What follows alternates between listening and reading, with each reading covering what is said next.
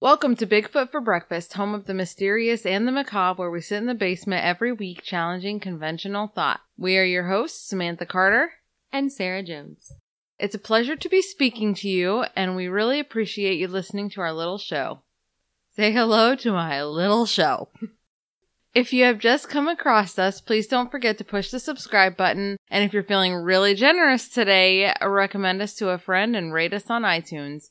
We're just starting out, so it'd be great if you fine folks would help get the word out about us. Check out our website, bigfootforbreakfast.com, and feel free to add us to Facebook for future updates and discussions as well. That reminds me, we're having a little contest. So if you've listened to the show and if you like it, and if you have the Apple Podcast app or Google Play, go into one of those apps and leave us a review and a rating. Even if it's one word, it would be really helpful. I don't know, sometimes it's harder to come up with one all encompassing word to describe something. So if you have to add more than one word, go right ahead. Do what you feel in your soul. I prefer the word fabulous, talented, charming, witty. We like witty. After you do that, go to our Facebook page and at the top there's a post about the contest. Comment the username that you left the rating and review under so we can tell who you are and how to contact you. On Halloween night, we're going to have a drawing on Facebook Live for all the people who have left us a review and a rating thus far. The winner of the drawing will win a cool insulated coffee mug with Bigfoot for Breakfast logo on it and a t shirt made by our girl Gina at With Love Custom Creations in Sheraton, Iowa. So, free stuff! Yay! Just for telling us how you like the show. Speaking of the show, let's get on with it. Let me start by asking a few questions. How would you feel to know that another person was watching you? Watching you every single day, specifically and only you. Watching your children. Knew their names. Not only their names, but their nicknames. What you called them in the privacy of your own home what part of the house they played in, and what they were doing when they shouldn't have known this unless they had been inside. How would you feel to have no idea who this person was, where they were, or what they really wanted? What if this went on for months, for years, and it seemed like this is all they did, day in and day out, and nothing was off limits? Just watch your family and wait. Beyond that, what if there was nothing you could do about it?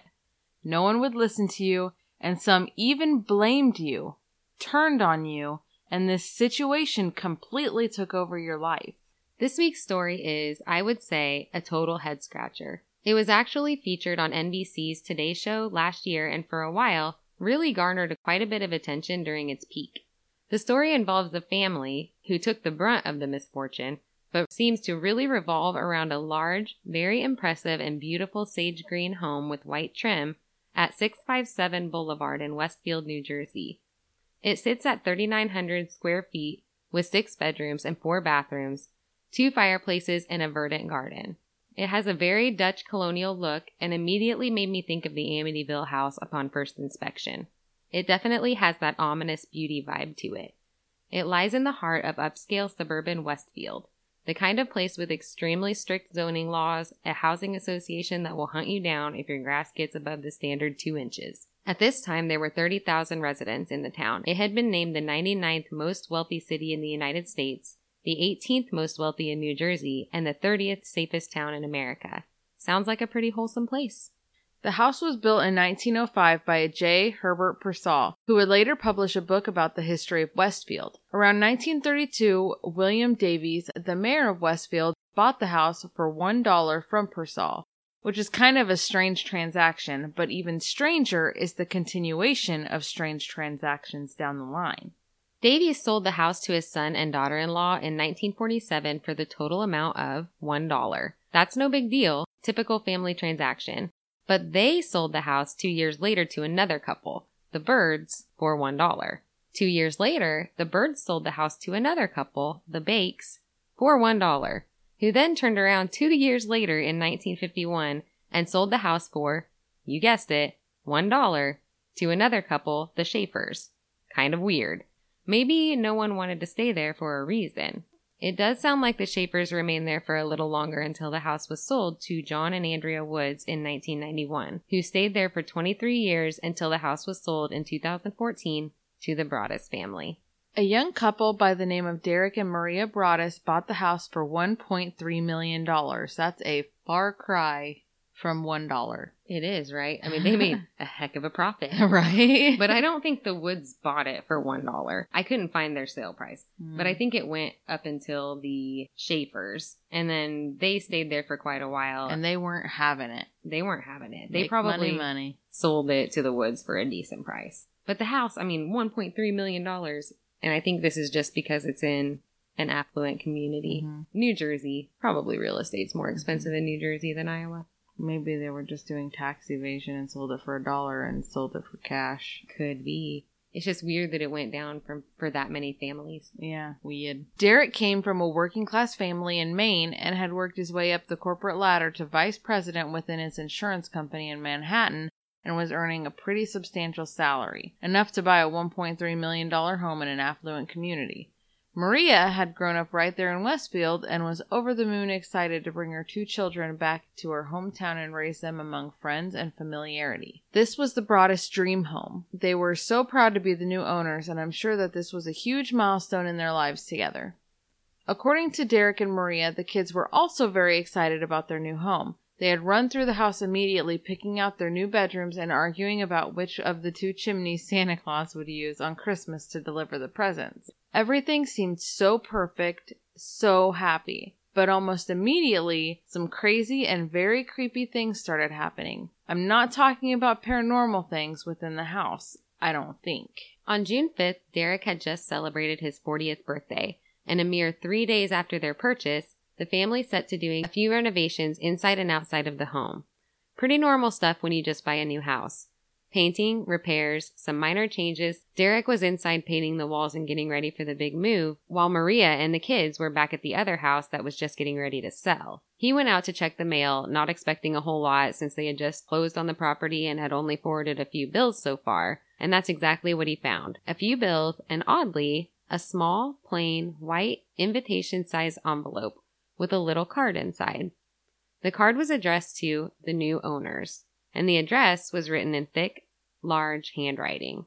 Opening the envelope and taking out the card, it read this Dearest new neighbor at 657 Boulevard, allow me to welcome you to the neighborhood. 657 Boulevard has been subject of my family for decades now, and it approaches its 110th birthday. I have been put in charge of watching and waiting for its second coming. My grandfather watched the house in the 1920s, and my father watched in the 1960s. It is now my time. Do you know the history of the house? Do you know what lies within the walls of 657 Boulevard? Why are you here now? How did you end up here? Did 657 call to you with its forces within? I will find out. Obviously, at first, this seemed like a typical welcome to a new neighborhood. A person who admires the house, so he really didn't think much of it. But he continued reading, and well, you heard it, it got pretty weird. I'm sure Derek found himself wondering, first of all, why are they watching? And what is the second coming? And what is in the walls? this guy has a lot of questions, but I'm sure by now Derek has more. The letter continues. I see already that you have flooded 657 Boulevard with contractors so that you can destroy the house as it was supposed to be. Tisk, tisk, tisk. Bad move. You don't want to make 657 Boulevard unhappy. You have children. I have seen them. So far, I think there are three that I've counted. Are there more on the way? Do you need to fill the house with the young blood I requested? Better for me. Was your old house too small for the growing family, or was it greed to bring me your children? Once I know their names, I will call to them and draw them to me. What? This has just begun and already sounds incredibly ominous and threatening. Obviously, this is no typical welcome letter, and they're already talking about the fact that they have children. So, they've been watching them already at least a little bit. The letter continues still. Who am I? There are hundreds and hundreds of cars that drive by 657 Boulevard each day. Maybe I'm in one. Look at all the windows you can see from 657 Boulevard. Maybe I'm in one. Look out the many windows in 657 at all the people who stroll by each day. Maybe I am one. Welcome, my friends, welcome. Let the party begin. So, three days after closing on their new home, this is what they get. It's hard to put myself in the positions and know what I would have done next. You hate to run right to the police over one simple letter and nothing else. Maybe it's someone just messing with them. Maybe it's someone who wanted to buy the house and got outbid and wanted to freak them out as a little jab. Who knows? People have done a lot crazier things, and it does get crazier. Strangely, the writer didn't reveal his true identity, but ended the letter simply calling himself the Watcher, signing the typewritten letter in a bold cursive font at the bottom. I mean, if the name like the Watcher doesn't pique a person's interest, I don't know what does. He did pretty good as far as villainous nicknames are concerned. It's simple, yet bold and dark, clearly stating his purpose as a bad guy. I really think he put some thought into it. A plus in this category for sure. Definitely incites a sense of paranoia. It does. The writer of the letter claimed that he had been charged with keeping an eye on the house and mentioned their young children, referring to them as young blood. I mean, it could be kind of endearing at first. You know, when you're initiated into a gang and they're like, we got some young playing blood. hockey. We got some young blood in here. They're being nice, but I don't know. I get the feeling that's not what he means. no, I think he wants to eat them. I think that's what I'm getting to. That night, Derek went home to his wife and children, opting not to stay the night in the house alone. Derek, you are so smart. Right? This has got scary movie written all over it, and you did the right thing. I'm thinking that sounds like an extremely rational decision on his part. He told Maria about the letter and they sat down and wrote an email to the house's previous owners, John and Andrea Woods. The Woods wrote back pretty quick telling the Broaddus that they had lived in the house for 23 years and had never received a letter like this. Except for one. Well, I feel like that should have been placed in the disclosure. Well, we'll get to that. Okay. That comes up. A couple of weeks prior to moving out, and they had just dismissed it and threw it in the trash. They couldn't even recall what the letter had said. The Woods stated that they had always felt very safe in the house and rarely felt the need to even lock their doors. So that's something I would do. I just wouldn't read the letter and I'd throw it out, and with my luck, it'd be like, You're going to be murdered in seven days unless you reply to this letter. This is a chain letter. Oops. if you don't reply, you're going to be hit by a car. And then bam.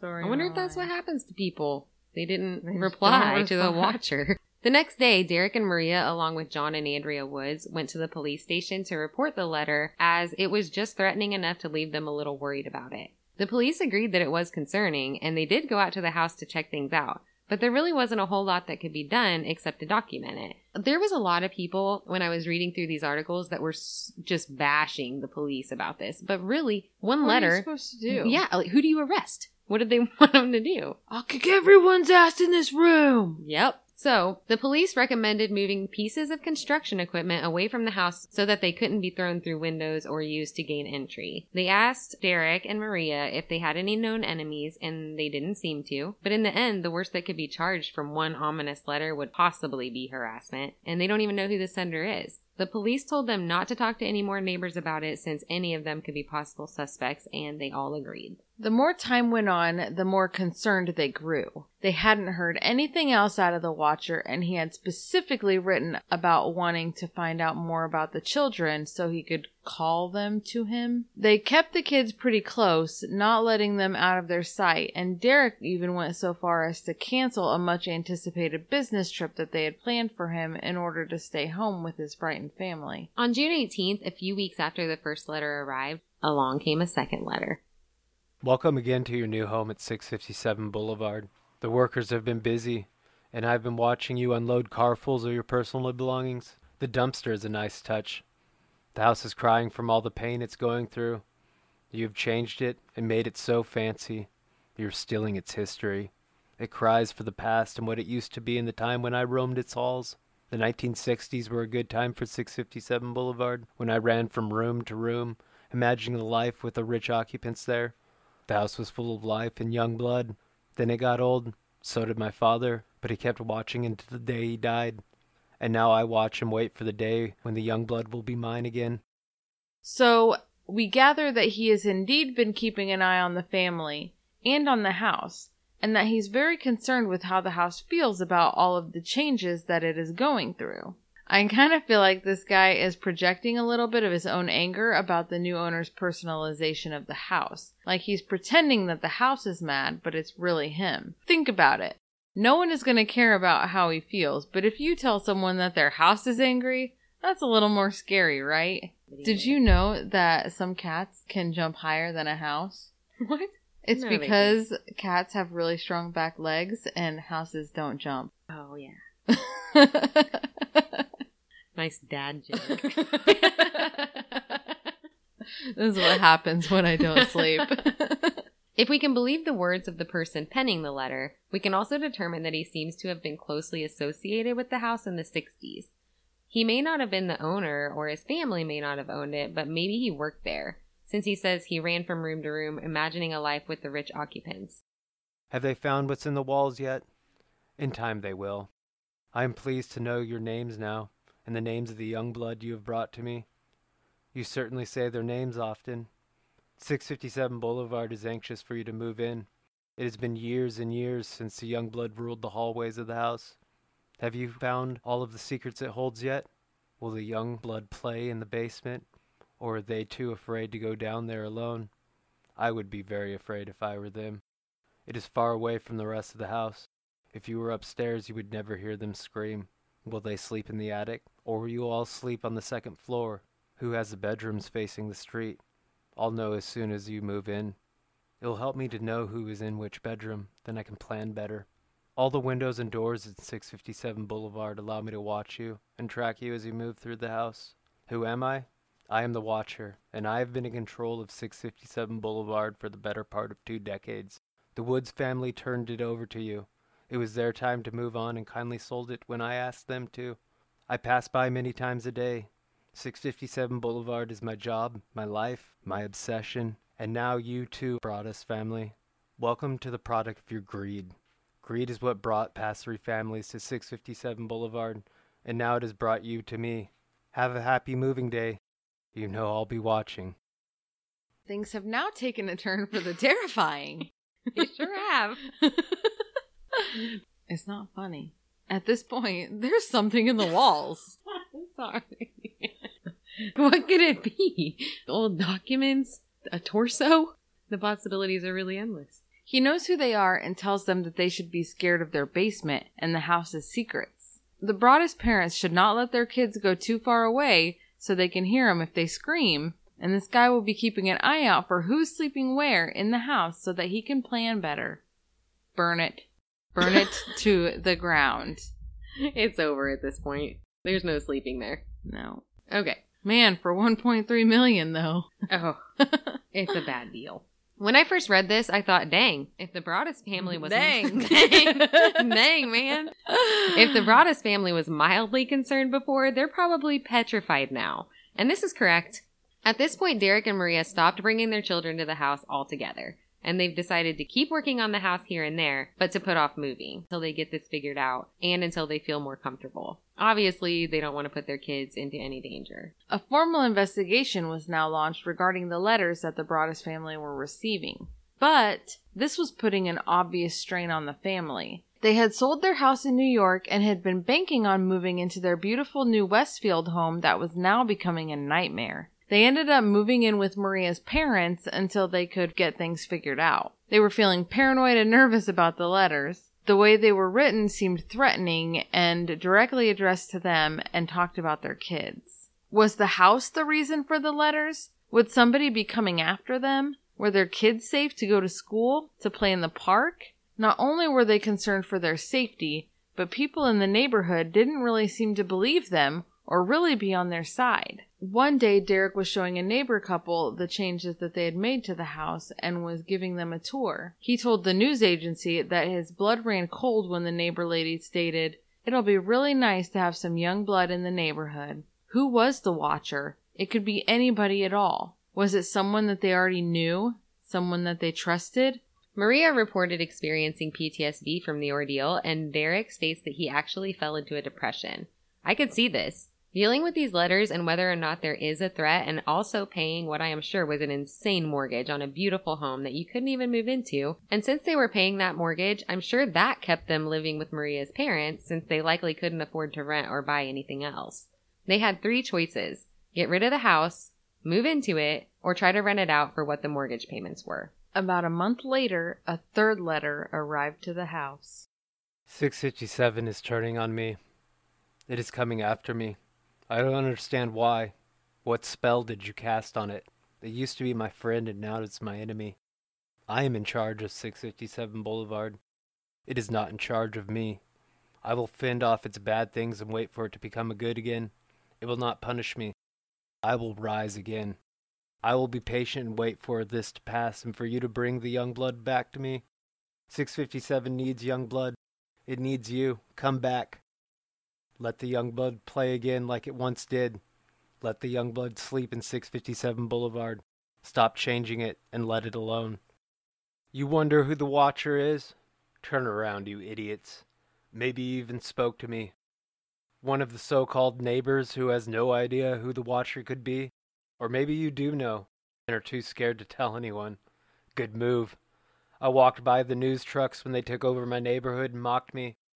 I watched as you watched from a dark house in attempt to find me. Telescopes and binoculars are wonderful inventions. 657 Boulevard survived your attempted assault and stood strong with its army of supporters barricading its gates. My soldiers of the boulevard followed my orders to a T. They carried out their mission and saved the soul of 657 Boulevard with my orders. All hail the Watcher. Maybe a car accident, maybe a fire, maybe something as simple as a mild illness that never seems to go away but makes you feel sick day after day after day after day. Maybe the mysterious death of a pet. Loved ones suddenly die. Planes and cars, bicycles crash. Bones break.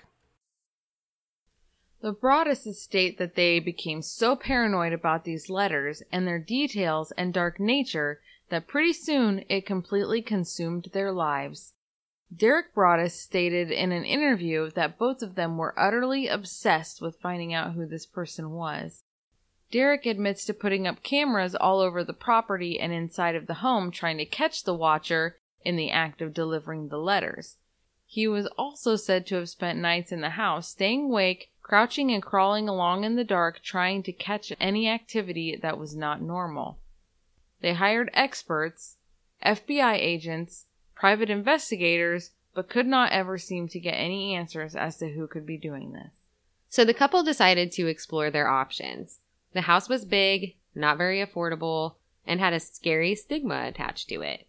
So they decided to look into actually tearing down the house and splitting the lot into two different lots and building two separate smaller houses to sell instead. In such a great neighborhood, they could put them on the market for a good price each and make the majority of their money back, they thought.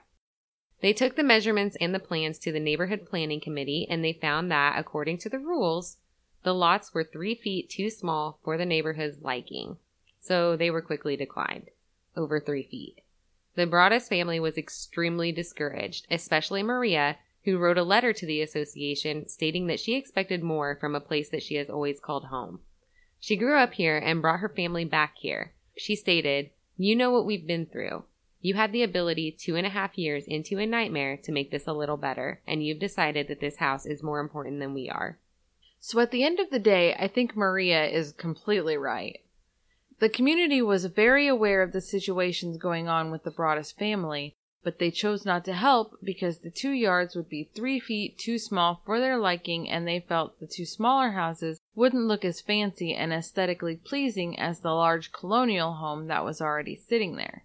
It seems that they were afraid to appear just a little less upscale with a couple of smaller homes in the neighborhood.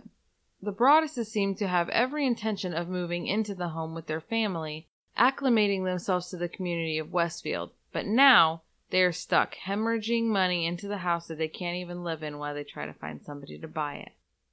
Derek and Maria put the house on the market, which didn't really go very well. The place had become such a frightening urban legend in their local area, and despite its beauty and appeal, nobody would buy it. No one even seemed remotely interested in purchasing the house, or even close to the amount that they would need in order to not take a devastating financial hit because of the situation with the watcher. Derek and Maria decided to be upfront with any potential new buyers about the letters and had given copies to their realtor in order to make sure that they were disclosed before any true interest was shown in the house.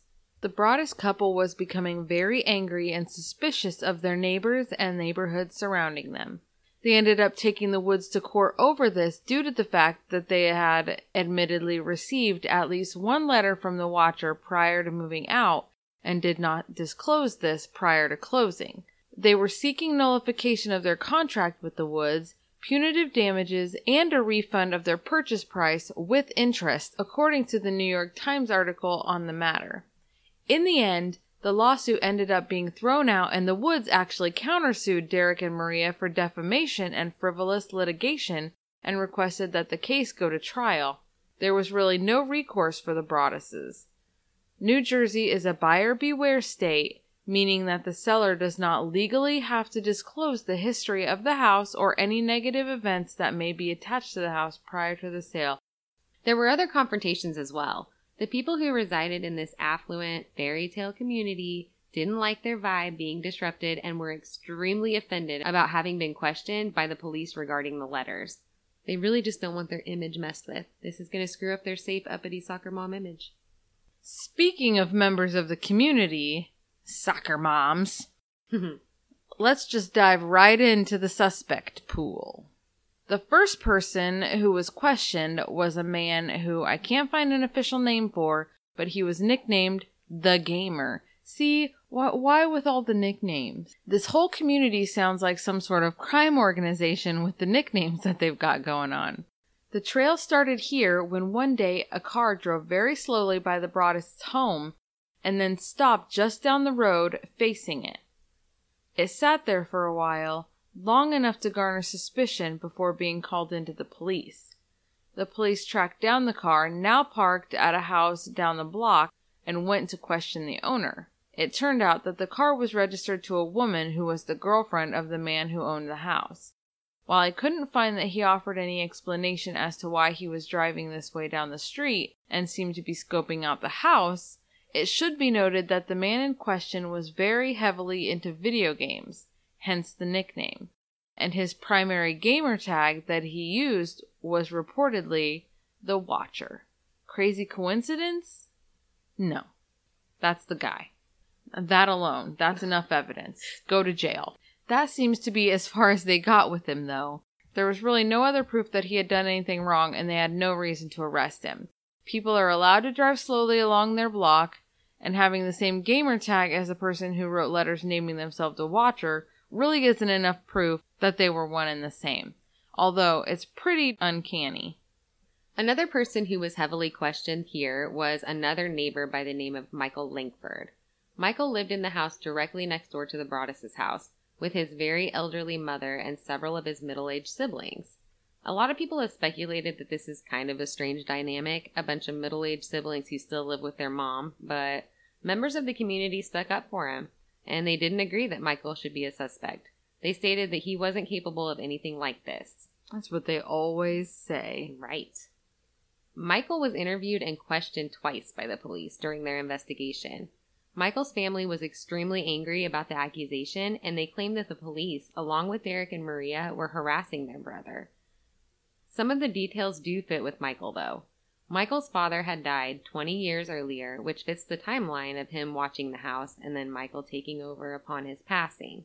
Also, in one of the letters, the watcher mentions that one of the Broaddus children were using an easel to draw in an enclosed porch on the house that can't easily be seen from the outside.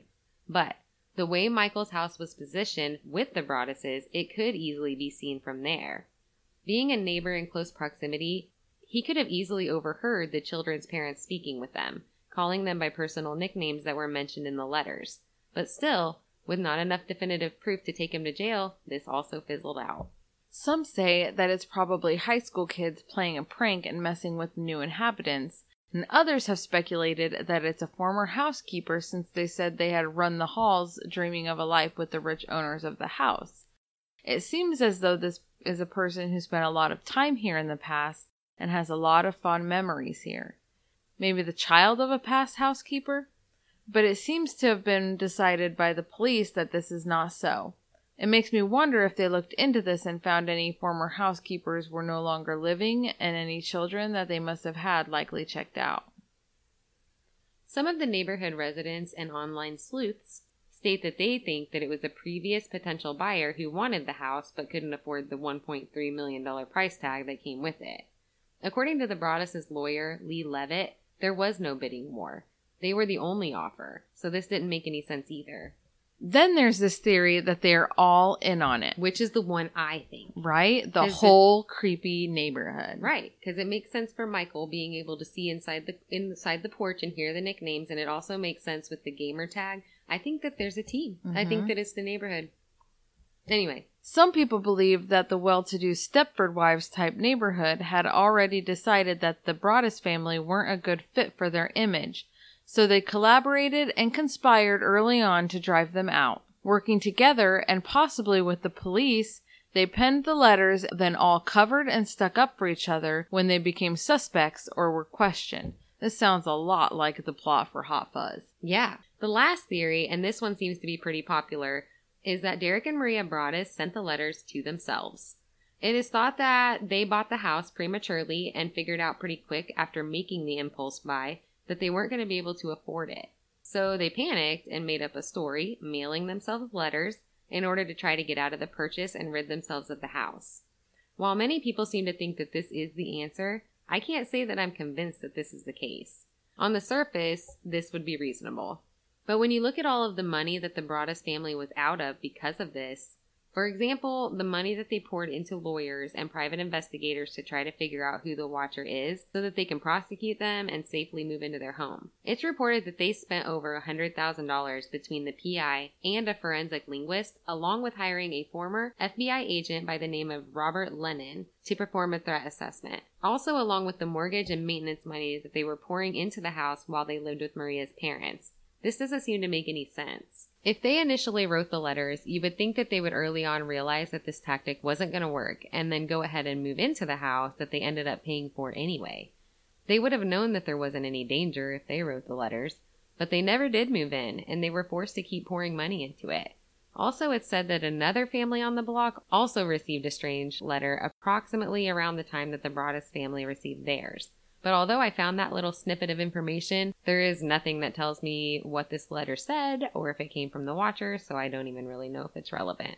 Although many agree that the Broadduses are the unlikely culprit, even more still continue to state that they are, and that their motive was even more different. They think that Derek and Maria did this in order to make the house infamous, relying on a possible Hollywood movie deal. If that is the case, then they were somewhat successful because a screenplay titled The Watcher is being developed at this time by Netflix, who beat out many other production companies in what was described as a ferocious bidding battle. Netflix is said to have purchased the rights with a seven figure bid.